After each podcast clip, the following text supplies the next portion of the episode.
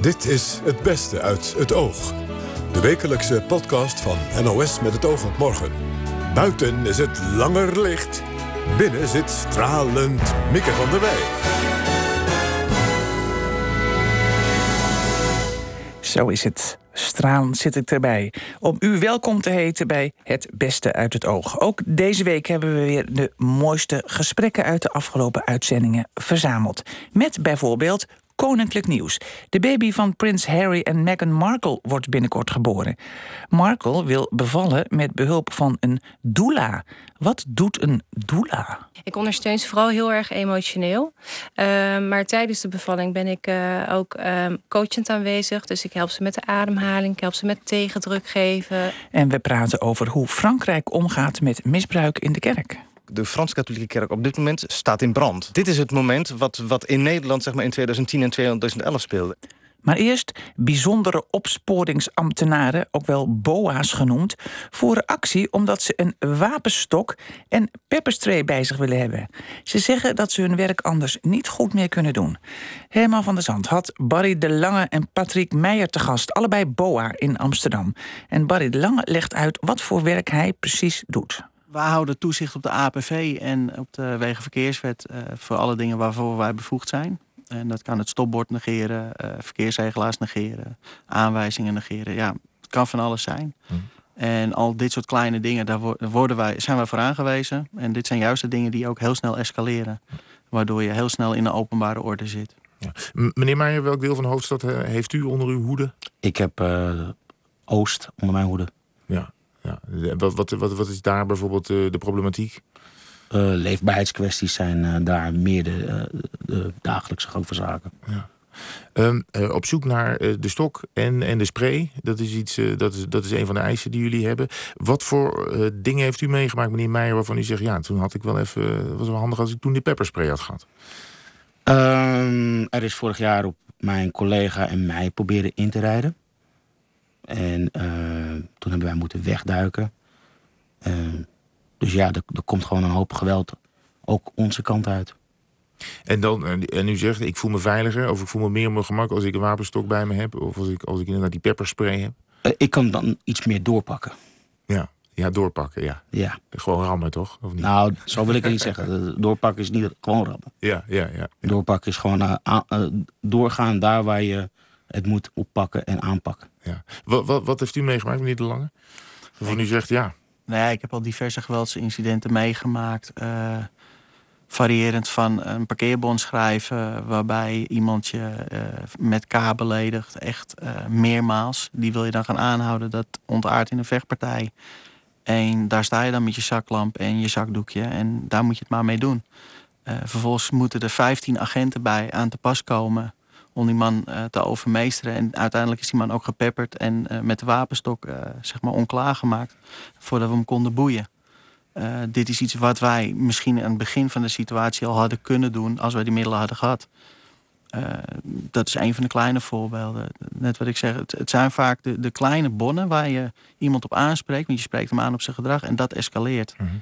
Ja, en wij staan daar. Wij staan in die, in die frontlinie en wij moeten het oplossen. Hm. En van ons wordt geacht, we hebben een gedegen training. Uh, er wordt heel veel aandacht besteed ook aan weerbaarheid van BOA's.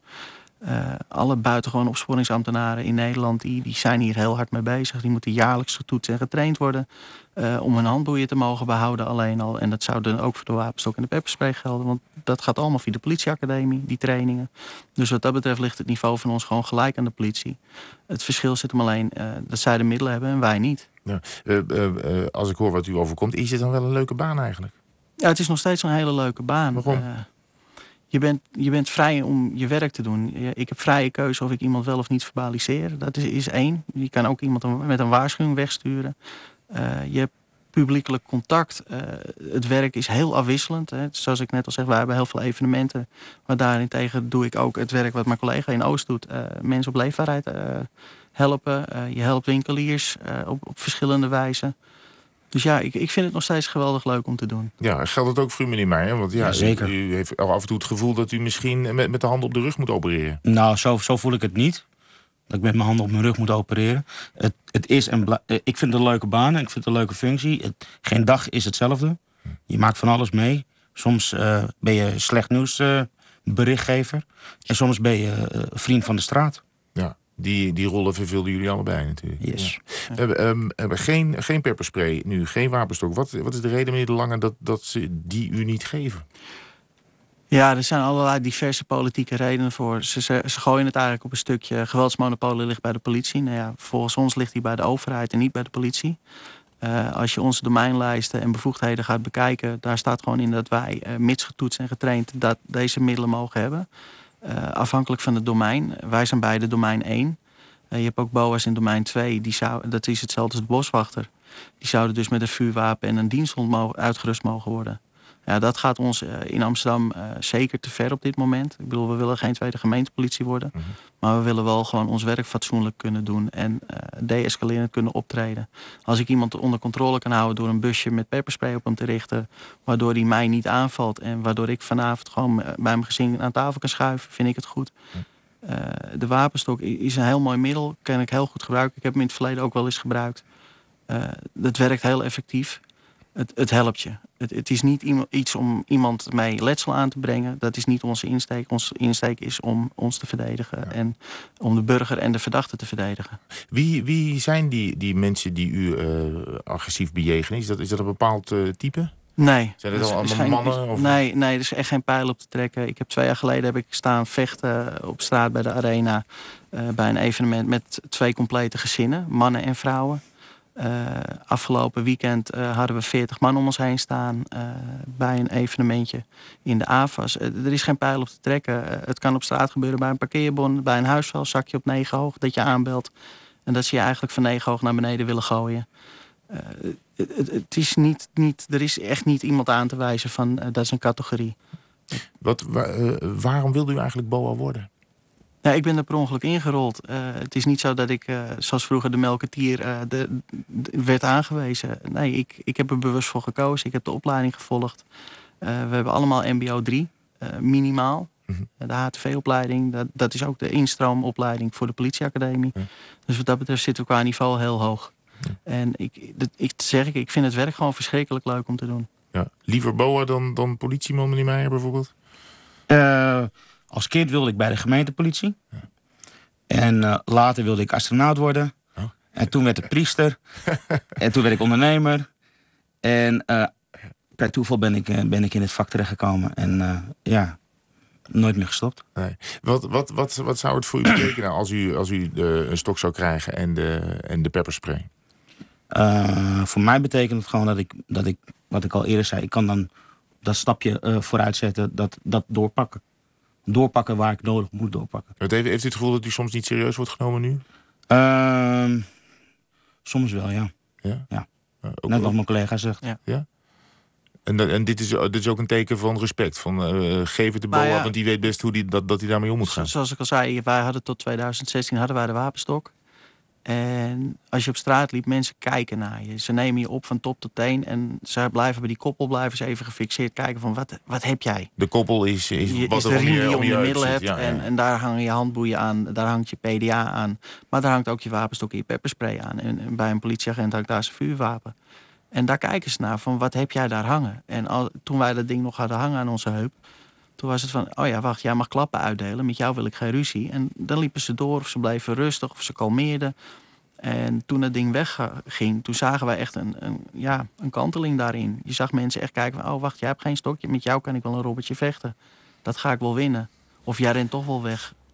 En dat, ja, dat verschil, dat maakt het wel. Het is een stukje uitstraling ook. Een mooi inkijkje in het dagelijks werk van de BOA. Ergens in de komende weken wordt de baby van prins Harry en Meghan Markle geboren. Naar verluid wil Markle op geheel andere wijze bevallen dan andere Britse royals. Namelijk thuis, in bad, met een doula. Lucella sprak een Nederlandse doula, Annelies Mulder, en vroeg wat ze dacht toen ze dit hoorde. Ja, een hele goede keuze. Ik denk dat zij uh, flink onder druk staat. Hè? Ook door, uh, door de zichtbaarheid uh, van, het, van het Koninklijke Huis. En um, dat het belangrijk is dat zij ook met iemand kan overleggen die zeg maar niet tot de medische staf behoort, uh, om, uh, om zich veilig te voelen. En ja, ik denk dat een doula daarin haar heel erg goed kan ondersteunen. Ja, want het woord is afgeleid uit, uit het Oud-Grieks. Wat betekent het letterlijk? Ja, doula staat eigenlijk uh, voor dienende vrouw. En is echt een vrouw die echt jou door de bevalling heen loodst, zeg maar. Ja. En, en hoe, uh, ja, hoe, hoe doe je dat? Waar, wat bes, waar bestaat jouw takenpakket uit? Want je hebt natuurlijk uh, ook een verloskundige vaak erbij. Ja, zeker. Ja, ik, werk, ik werk zeg maar naast de verloskundige. En de verloskundige is heel erg getraind op de medische aspecten van de bevalling en de gynaecoloog ook. En ik ben echt voor het emotionele stuk. Dus uh, het eigenlijk groot gedeelte van de vrouwen die ik begeleid hebben veel angst voor de bevalling. Of bijvoorbeeld een eerdere traumatische bevallingen gehad. En um, die huren mij dan in om, uh, ja, om weer aan extra vertrouwen te werken uh, naar de komende bevalling toe. Dus dat, ja. dat begint al een paar weken dan voor ja. de bevalling? Ja. ja, sommige vrouwen die komen al bij mij voordat ze stoppen met de anticonceptiepil. Dat ze graag, uh, ja, dat ze zo angstig zijn dat ze um, al wel eerder contact opnemen. En um, andere vrouwen die komen bijvoorbeeld. Nog voordat ze zwanger zijn? Ja, nog eigenlijk voordat ze zwanger zijn. En, of, en wat, kom je, wat komen ze dan bij jou doen? Ja, omdat ze bijvoorbeeld een eerdere traumatische bevalling hebben gehad. En eigenlijk gezegd hebben van nou, dit wil ik nooit meer. En ik zou wel weer heel graag een, eh, een, tweede kindje willen. Maar um, ja, die bevalling zie ik zo erg tegenop. Ik ga daar steun bij vragen. En, um, of vrouwen die bijvoorbeeld een, eh, een medische bevalling uh, gaan krijgen, onverwachts, die uh, ingeleid moeten worden. Of um, bijzondere omstandigheden, keizersnedes of een, een stuitbevalling. Ik begeleid eigenlijk allerlei soorten verschillende vrouwen met verschillende verhalen. En wat doe jij dan? Op wat voor manier dien jij ze?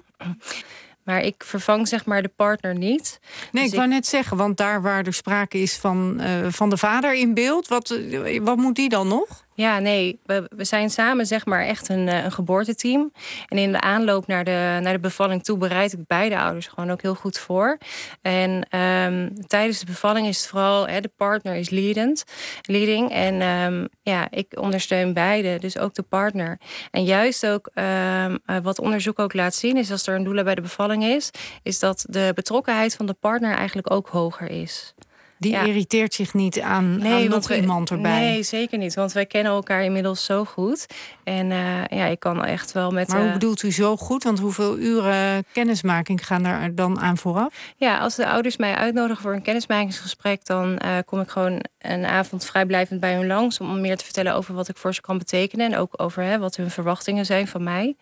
En... Um, in de aanloop naar de bevalling toe uh, hebben we prenatale meetings waarin die best wel uitgebreid zijn, waarin we echt ingaan op van uh, hoe werkt zo'n bevalling en hoe werkt het hormonale proces, hoe werkt het autonome zenuwstelsel, maar ook heel erg kijkend van nou, hoe werk jij als je aan bevallen bent, hè? want het zet heel veel vrouwen naast elkaar. Elke vrouw heeft eigenlijk weer haar eigen unieke wensen en um, daar gaan we zeg maar een, een geboorteplan op maken. Door te kijken van nou, hè, wat past bij jou. En nu las ik, want ik keek op uw site ook... Uh, dat u hè, los van dit allemaal ook frambozenblad thee uh, aanbiedt... tijdens de zwangerschap. En dat wekte wel even mijn nieuwsgierigheid... wat daar de werking van is. Want dat, dat is inclusief, stond er. Hè? Dat ja. er ook bij. Uh, ligt u wel iets moois uit. Nou ja, frambozenblad thee is eigenlijk heel simpel. Het is echt een vrouwenkruid. En het is echt een, een kruidenmiddeltje uit oma's kruidentuin. En um, het werkt zeg maar op de baarmoeder. En uh, ja, het zorgt ervoor zeg maar dat, uh, dat, uh, dat het baarmoederspierweefsel wat soepeler wordt richting de bevalling toe. Dus... En ik zei al, het is uh, inclusief, hè, want het kost deze, dit traject bij u ruim uh, 1200 euro. Dat, ja. dat kan natuurlijk lang niet iedereen betalen. Wordt die zorg van u vergoed door de zorgverzekering? Ja, eigenlijk steeds meer zorgverzekeraars vergoeden een doula. Zien ook echt de meerwaarde ervan in. Um, want wat is, wat is qua kosten de meerwaarde? Ik bedoel, psychisch kan, hè, kan het vrouwen helpen, maar what's in it voor de, voor de zorgverzekering? Nou, wat je vaak ziet is dat door de continue aanwezigheid, en dat is eigenlijk mijn grootste kracht, gaan de hormonen ook echt veel meer stromen. En um, zijn bevallingen vaak korter. En is er vaak ook minder medisch ingrijpen nodig. Dus veel vrouwen die ik begeleid. Ehm, ik ben niet tegen pijnbestrijding, maar bevallen vaak wel zonder pijnbestrijding. Dus ja, daar, als je de kosten uitrekent van een, van een ruggenprik, dan zit je al gauw op zo'n 2000 euro. En hoe wordt u ontvangen als het in een ziekenhuis is door de gynaecologen en, en degene die daar, uh, ja, de, de kraamverzorgsters en de verloskundigen, zitten die op uw, uw uh, bemoeienis of uw aanwezigheid te wachten? Nou ja, bemoeienis is zeker niet. Wij, uh, ik heb altijd eigenlijk. Ja, dat klinkt wat oneerbiedig, ja, nee, maar op uw aanwezigheid. Ja, ja, ja, nee, snap ik. Um, ik heb eigenlijk altijd vrij hele goede samenwerkingen met ziekenhuizen in de regio. En het komt ook, ik begeleid ongeveer zo'n vier, vijf bevallingen per maand. Dus ze zien me eigenlijk ook best regelmatig. En um, ja, we vullen elkaar heel erg uh, mooi aan en we versterken elkaar ook. En soms schuurt het of wrijft het wel. En dan uh, bespreken we dat achteraf ook na. Want er wordt de kamer uitgestuurd als er snel medische ingrijpen bijvoorbeeld nee, nodig is? Nee, er wordt, er wordt eigenlijk altijd heel erg goed overlegd. En ik zal nooit um, tegen het medisch beleid ingaan. Maar ik word natuurlijk, ik ben onafhankelijk en ik, ik denk ook niet vanuit protocollen. Maar de ouders hebben wel vaak bepaalde wensen. En als het ziekenhuis daar zeg maar niet aan, uh, aan, aan in, in meegaat of niet in wil voldoen, ja, dan laat ik wel van me horen. Dan bent u degene die het gesprek aangaat met Nee, eigenlijk altijd de ouders. En als de ouders aan mij vragen van... joh, eh, zou jij uh, het woord van mij uh, willen doen? Dan, uh, dan doe ik dat uiteraard, ja. ja. En u bent zelf vier maanden geleden ook bevallen. Had u, had u zelf een doula ingehuurd? Ja, ik had een, ik had een vroedvrouw. En ja, dat was ook een soort van mijn doula. En het was echt een, ja, een vrouw, echt een hele kundige vrouw met ja, heel veel ervaring. Zijn vrouwen trouwens? Um, nee, ik weet dat je in Amerika heb je ook de birth guy. En dat is een, een mannelijke uh, doula. En die is ook eigenlijk vrij, uh, ja, heel populair. De birth guy. De geboorteman dus. Ja, zo leer je weer eens wat. We gaan het nu hebben over misbruik in de Rooms-Katholieke Kerk in Frankrijk. In de buurt van Lyon werden in de 70er en 80er jaren zo'n 80 jongens misbruikt. En daar is nu een film over gemaakt, Grâce à Dieu. Herman van der Zand had theoloog Hendro Munsterman van het Nederlands Dagblad te gast. Die kent enkele slachtoffers persoonlijk en vertelt eerst waar de film over gaat. Um, dit gaat over een, een, groot aantal slachtoffers van uh, jongens in de jaren 70, 80... die bij de scouting, plaatselijke scouting zaten... in een plaatselijke parochie in een rijke buitenwijk van Lyon. En die daar door de plaatselijke pastoor uh, stuk voor stuk... de een naar de ander, uh, tussen de 70 en de 80 dus misbruikt zijn. En die redelijk recent, enkele jaren geleden... één voor één, heel voorzichtig, langzaam, stukje bij beetje... naar buiten zijn gekomen met hun verhaal. De, de, zaak komt ook pas aan het rollen als een van de slachtoffers. Die heeft, uh, die heeft een gezin, ik geloof vijf kinderen. En uh, geslaagd, geslaagd in het leven. Uh, dat hij erachter komt dat de man die hem misbruikt heeft... nog steeds in functie is. En ja. zelfs met kinderen werkt. En ja. dan gaat het balletje pas, pas rollen. Ja, en, het, en het, het bijzondere van het verhaal is dat het balletje niet gaat rollen... door een soort anti-klerikale of een anti-kerkelijke houding. De, deze man is juist de meest katholieke van het stel. Ja? Dus de gegoede Franse burgerij. In de film gaat die, worden ze kinderen vervormd. Hè? Ja, ja, ja. dus een, een, een rijkeluis uh, uh, familie. Uh, netjes op zondag, elke zondag in de kerk. Wonend in het, in het centrum van Lyon.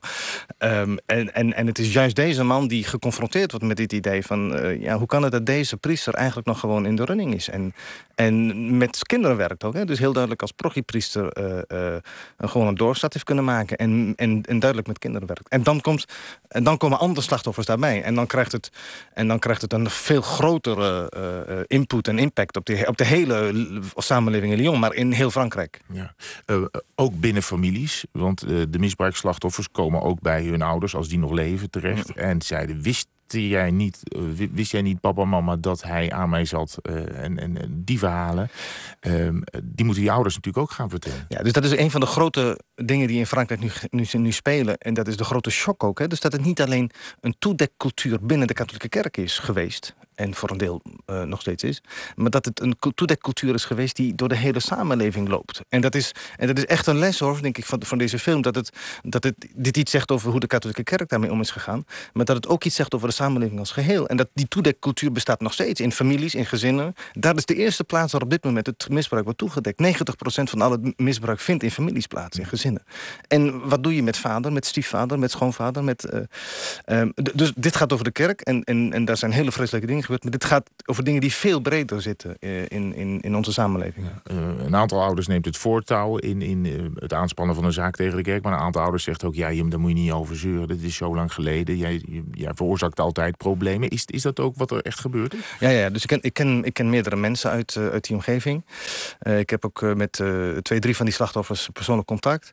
Daar ook al over gepubliceerd en zo. En, en, en je, je ziet dat de sociale druk in zo'n zo'n gezin... en met name in, een, in, in de gegoede burgerij toch heel erg groot is. De priester staat dan ook nog op een, op een voetstuk. Het was altijd een man die veel aanzien had. Is dat veranderd? Um, dat, is, dat is grappig. Dus in, in, in de wat rijkere uh, Franse families is dat op dit moment aan het veranderen. Dus uh, echt de, Franse, de, de Frans-Katholieke kerk op dit moment staat in brand. Daar, daar, daar, het gaat, dit is het moment wat, wat in Nederland zeg maar, in 2010 en 2011 speelde. En dat, dat, daar gebeurt het nu, vandaag. En en ik, uh, laatst nog sprak ik nog met, ook met mensen die zeggen van ja, ik, dit had ik, ik had nooit gedacht dat ik dit over mijn eigen kerk had kunnen zeggen.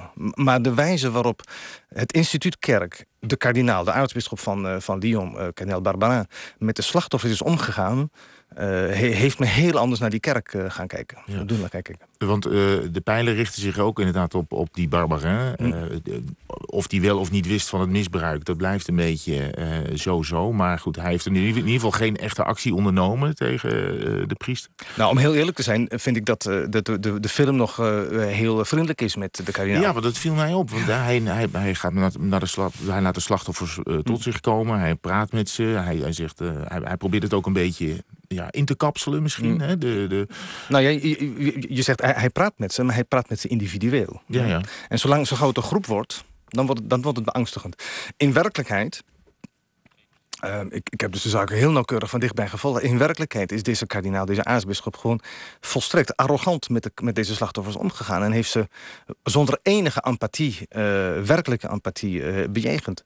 En, en tot, zelfs tot nu toe heb je, hebben deze slachtoffers constant het gevoel... dat ze door, de, door het instituut, door deze bisschop... maar ook zeg maar, door het instituut in zijn geheel en zelfs door de paus... niet feitelijk gehoord zijn. Waarom zou hij dan in de film toch enigszins gespaard worden? Want hij hm. komt er niet heel slecht vanaf. Nee, hij komt er eigenlijk wel te goed Um, Um, dat, zou, dat zou ook met te, maken kunnen hebben met het feit dat uh, deze film heel snel na het proces tegen kardinaal Barbarijn is opgenomen. Dus tijdens het proces zelfs. Dus Barbarijn is veroordeeld uh, tot zes maanden voorwaardelijke gevangenisstraf. Dat is heel recent nog. Hè? Heel recent. Ja. Is in hoger beroep gegaan daartegen.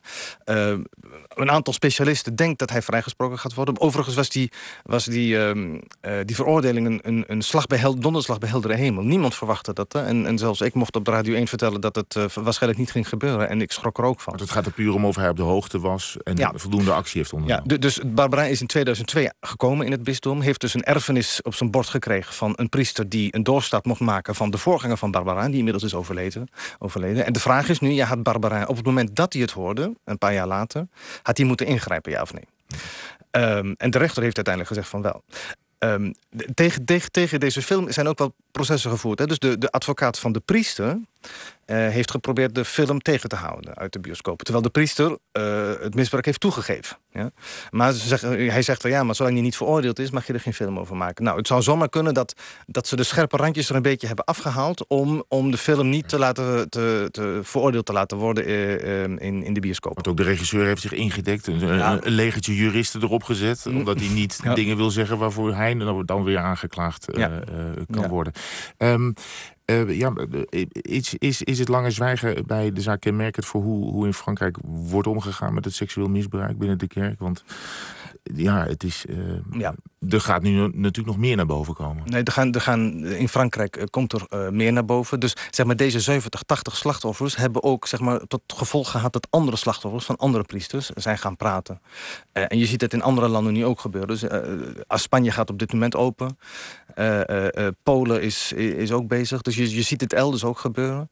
Um, um, maar het is nog erger. Er zijn zoveel andere instituten en andere plekken waar het nog niet open is. Ja? En, en ik denk, ik denk aan, de, aan, aan, aan verschillende plekken in de gezondheidszorg, in het onderwijs, in, bij uh, uh, hulporganisaties. We hebben de Oxfam. Uh, dus, dus mhm. alles wat institutioneel is, heeft de neiging om zichzelf te beschermen. En, en bij de katholieke kerk is dat natuurlijk nog een stuk dramatischer, omdat het ook nog een zekere representatie van, van het goddelijke is. En, en, en dan de katholieke kerk heeft ook nog een beetje een grote mond soms over seksualiteit, vaak over seksualiteit. Ja. Nou, dat slaat natuurlijk heftig terug op het instituut op dit moment. Ehm, maar het is wel iets dat breed in de samenleving in allerlei instituten te maken heeft. Als je de officiële, als je de officiële cijfers van het, van Duitse Bundeskriminaalamt uh, hoort, dan zie je dan in Duitsland worden per jaar 12.500 minderjarigen misbruikt. 12.500 per jaar. Dat is, dat is ongelooflijk. Dus we, zitten, we zitten hier voor een kerkelijk probleem... maar we zitten hier ook voor een heel breed maatschappelijk probleem. En deze film gaat niet alleen over de kerk. Deze film gaat, en dat is het bijzondere hoor... Um, dit is het leuke van deze, of het leuke, dit is het bijzondere van deze film. Vooral als je het vergelijkt met Spotlight. Hè. Dus we hebben die Spotlight film gezien, die allemaal die Oscars heeft gewonnen. Over misbruik in Amerika. Over misbruik in Boston. Um, dat werd dat werd, die film werd gemaakt vanuit het perspectief van de journalist. En wij journalisten vonden het allemaal heerlijk, want we konden ons op de borst kloppen van we doen het werk allemaal zo goed. Dit is de eerste keer dat een film gemaakt is vanuit het perspectief van het slachtoffer. Ja. En, en hier staat wat het, de katholieke kerk doet... voor een belangrijk deel ook model voor wat er in de hele brede maatschappij gebeurt... als het gaat over slachtoffers. Die nog steeds heel vaak gewoon niet kunnen aankloppen bij, uh, uh, bij mensen... waar ze een luisterend oor vinden. Tot slot, het geheim van de goeroe. Toen filosoof Stine Jensen in 2016 meedeed aan een cursus Kundalini-yoga in Frankrijk, overkwam haar iets naars, waarop ze als enige de cursus verliet. Dat wierp bij haar de vraag op waarom mensen zich zo graag aan een spirituele leider willen onderwerpen. Ze schreef er het boek Goeroes over en ik sprak haar samen met haar eigen goeroe Gian, ofwel Jasper Kok. Maar eerst, wat gebeurde er op die cursus? Het kwam erop neer, heel kort gezegd, dat we. Uh, nou, dat er. Dat, dat, het vrij heftig allemaal was. Hè? Weinig slaap, weinig eten. En dat we op een gegeven moment kregen we koekjes en koffie. En in die koekjes zat nootmuskaat. En dan ga je vreselijk van trippen. Mm. Ik ging daar in ieder geval vreselijk van uh, hallucineren. Uh, waanbeelden. En ja, daar was ik natuurlijk helemaal niet op voorbereid. Nee. En ik zat er ook niet op te wachten. En toen dacht je, ik moet hier weg. Ja, nou, ik, het, het, effect daarvan was heel heftig. Ik werd echt angstig. Ja. Um, en, uh, en ik wist ook niet wat er aan de hand was. Hè? Maar ik dacht wel, ja, ik moet hier wel weg. Ja. ja. Nou ja, dit verhaal, daar begin je eigenlijk je, ja. je, je, boek mee. Dat is eigenlijk voor jou het startpunt geweest van die zoektocht. Ja. Omdat je dacht van ja, uh, al die andere mensen, die zijn daar gebleven. Ja, het is overigens ook zo dat ik ook al tien jaar uh, die vorm van yoga beoefen. Hè, en ook al wel ver in mijn opleiding zat. Dus het is niet zo dat ik uh, even naar Frankrijk ging en toen overkwam me dat. Nee. en ik wist ook wel dat ik naar een leraar ging waarvan het ook wel bekend is dat die ja, wel heel uh, de, de grenzen ook wel, wel kan opzoeken. Maar dit had ik dus niet verwacht. Nee. En toen dacht je van, hoe, waar komt dat verlangen naar onderwerping aan een leraar toch vandaan? En dat heb je onderzocht. En nu dit boek hier ligt, denk je, ja, nu weet ik het? Ja, het heeft me wel veel uh, variëteit en heel, hele rijkheid aan antwoorden gegeven. Want het is dus niet alleen die onderwerping aan een leraar. Het is ook een charismatische groep die heel aantrekkelijk kan zijn. De emoties die worden opgewekt tijdens de yoga. De technieken, meditatie, visualisatie, die van alles met je doen. Ja. En ook de ideeën, charismatische ideeën. We gaan even naar, uh, naar Jasper. Jij bent een van Stines yoga-leraren. En haar coach? Of zou je zeggen dat hij jouw goeroe is? Nou, kijk, goeroe is, uh, betekent letterlijk iemand van donker naar licht brengen. Mm -hmm. uh, maar hier in het Westen uh, denken we meteen aan secteleiders. Hoewel het ook hier wel gedevalueerd is. Hè. Je hebt ook lifestyle gurus, business gurus. Ja, van alles. Dus dat, dat woord guru is hier wat ingewikkelder. Maar spirituele coach, uh, spirituele yoga-leraar. Ik vind het allemaal ja. prima. We moeten misschien even uitleggen aan de luisteraars die daar niet mee bekend zijn. wat Kundalini yoga eigenlijk is. Want het is niet zomaar alleen maar even lekker een hond. En een, in, in de hond staan en. Uh, nee, Kundalini yoga op gaat. Je, op je kop. Ja. Kundalini yoga gaat veel verder dan uh, ja. de ontspanningsoefeningen. Ja. Maar dan gaat, we gebruiken mantra's, dynamische oefeningen. En echt om die uh, Kundalini-energie op te wekken. Die Wat aan is dat, Kundalini-energie? Ja, dat is eigenlijk uh, waar alle spirituele stromingen over gaan. Dat is die energie die onderaan je stuitje mm -hmm. zit. En door middel van oefeningen maak je die wakker. En de bedoeling is dat je die omhoog krijgt. En daardoor in de zogenaamde Chardikala staat terechtkomt, waarin je uh, voornamelijk blij bent. Mm. Ja, nou, nou ja, Stien... Moeilijk, hè? Ja, dit is ook lastig te begrijpen. Want Stine probeert het ook uit te leggen in dit boek. Het gaat erom over die energiepunten onder in je lichaam... en die moeten op een of andere manier naar boven. Ja, nou je kunt het je wel eens bij je hart voorstellen. eh, toch? Ja, Ja. precies. En hier, en, en, en hier we hebben natuurlijk ongelooflijk veel zittende beroepen. Waarbij we dat hele lijf eigenlijk niet meer gebruiken. Alleen maar in dat hoofd zitten. Ja, maar die mensen die, die, die yoga beoefenen zitten toch ook steeds? Die zitten Eh, toch ook met die, die- benen zo eh Die gekruist? ja, maar die zitten, zitten wel bewust. En Ja. die doen inderdaad allerlei fysieke oefeningen. Ook om dat lijf erbij te betrekken. Ja. Jij was wetenschapper, hè? Zeker, ik ben Ja. gepromoveerd econoom. Ja. En nu zit je hier met een grote baard en een tulband om Ja. je kop. Ja. Ja. Dat is best een grote stap, of niet? Eh, nou, maar dat, dat gaat heel langzaam. Hè, ik zeg net tegen Stine ook, het was eigenlijk nooit mijn bedoeling om guru te worden. Nee? dat is echt iets wat heel langzaam groeit. Hè, op een gegeven moment voelde ik gewoon dat ik... Ik deed zoveel yoga en meditatie, vier tot zes Mhm. uur per dag. En dat, daar voelde ik me zo mee verbonden. En eh, ja, ik wou, ik wou dat gewoon doen. Ja. En toen ben ik het ook gaan doen, terwijl mijn ego het absoluut niet wou. Ik had helemaal geen zin om door Amsterdam te lopen en allerlei eh, projecties naar mijn hoofd te krijgen over Osama bin Laden. En al dat. dat? Ja, tuurlijk. Dat, dat krijg je. Dus daar zit ik helemaal niet op te wachten. Maar je hoeft die baard toch niet te hebben, of wel? Nou, kijk, ik, eh, we- er zit hier een maanpunt in het midden van je baard. Een vrouw heeft er dertien, vandaar Op ook. je kin. Ja, op Ja? je kin. En mijn man heeft er maar één. Ach. Dat is de reden. Waar... nou, dat hoef je niet. eh, dat is eigenlijk wel heel fijn, want daardoor Oh. zijn we ook wat stabieler. Oh, wat, dat, dat, zijn punten die voor instabiliteit zorgen dan? Nee, het voor veranderlijkheid van je ja, gemoedstoestand. dat is- dat, dat- soort ja, ja. drukpunten wat je ook in de Chinese geneeswijze Ja. hebt.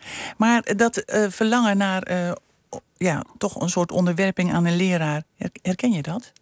Nou, niet aan een leraar, maar wel aan een ja, leer. ja, maar wel, hè, dus echt dat, dat innerlijk gevoel, wat zo sterk is. En dat je het gevoel hebt dat je het universum begrijpt. Ja, daar, dat, is, dat is e- enorm aantrekkelijk. Ja, want Stine, in, in jouw boek eh, citeer je Guru Prakash. Dit is een van de betrokkenen bij die cursus in Frankrijk. Ja. Want je gaat op een gegeven moment terug. Hè? Aan het eind van het boek ga je Ja, terug naar klopt. Frankrijk. Dat je denkt, ik wil toch vragen aan die mensen hoe, ja, wat, wat zij daar nou eigenlijk van vinden. En dan zegt hij, mensen zijn op zoek naar een vader die ze vertelt wat ze moeten doen. Toen dacht ik, ja, Ja. Eén van de vele antwoorden in het boek, hè? ja, Eh, van, van waarom mensen eh, spiritualiteit opzoeken.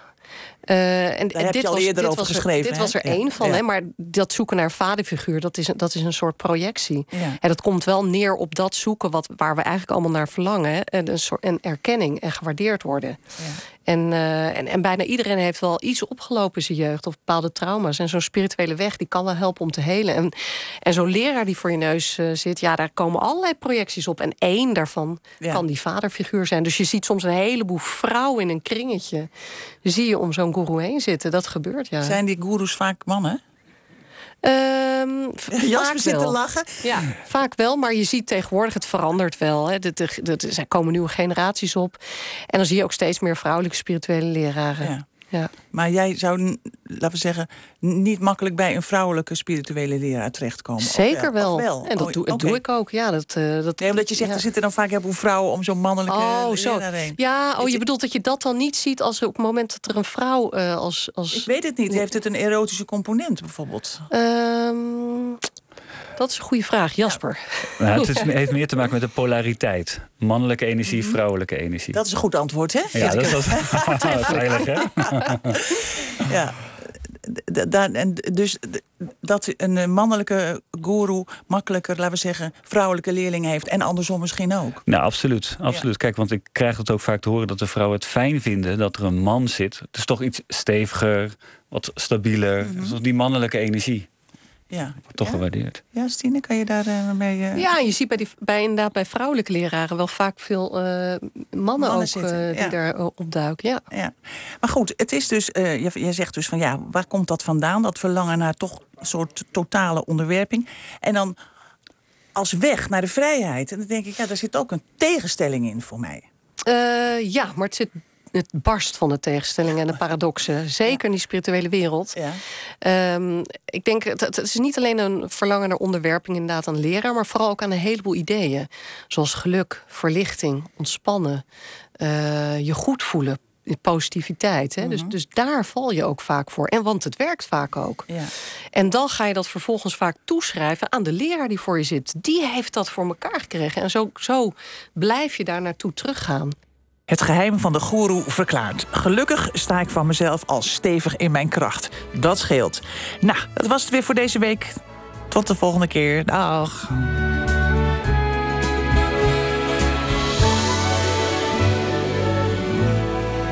Gute Nacht, Freunde. Es wird Zeit für mich zu gehen. Was ich noch zu sagen hätte, dauert eine Zigarette und ein letztes Glas im Stehen.